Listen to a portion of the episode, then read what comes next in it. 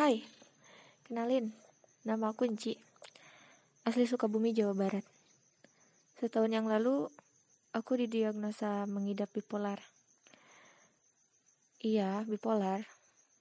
Buat kalian yang belum tahu dan belum mengerti apa itu bipolar, ya bisa searching sendirilah di Google banyak penjelasannya. Mau sedikit cerita nih. Jadi uh, penyakitku ini banyak banget yang ngejadiin lelucon gitu. Padahal itu benar-benar gak lucu. Gak lucu sama sekali. Ya bayangin aja. Kejiwaan atau mental orang lain dijadiin lelucon. Setiap manusia itu beda-beda. Dan itu nggak lucu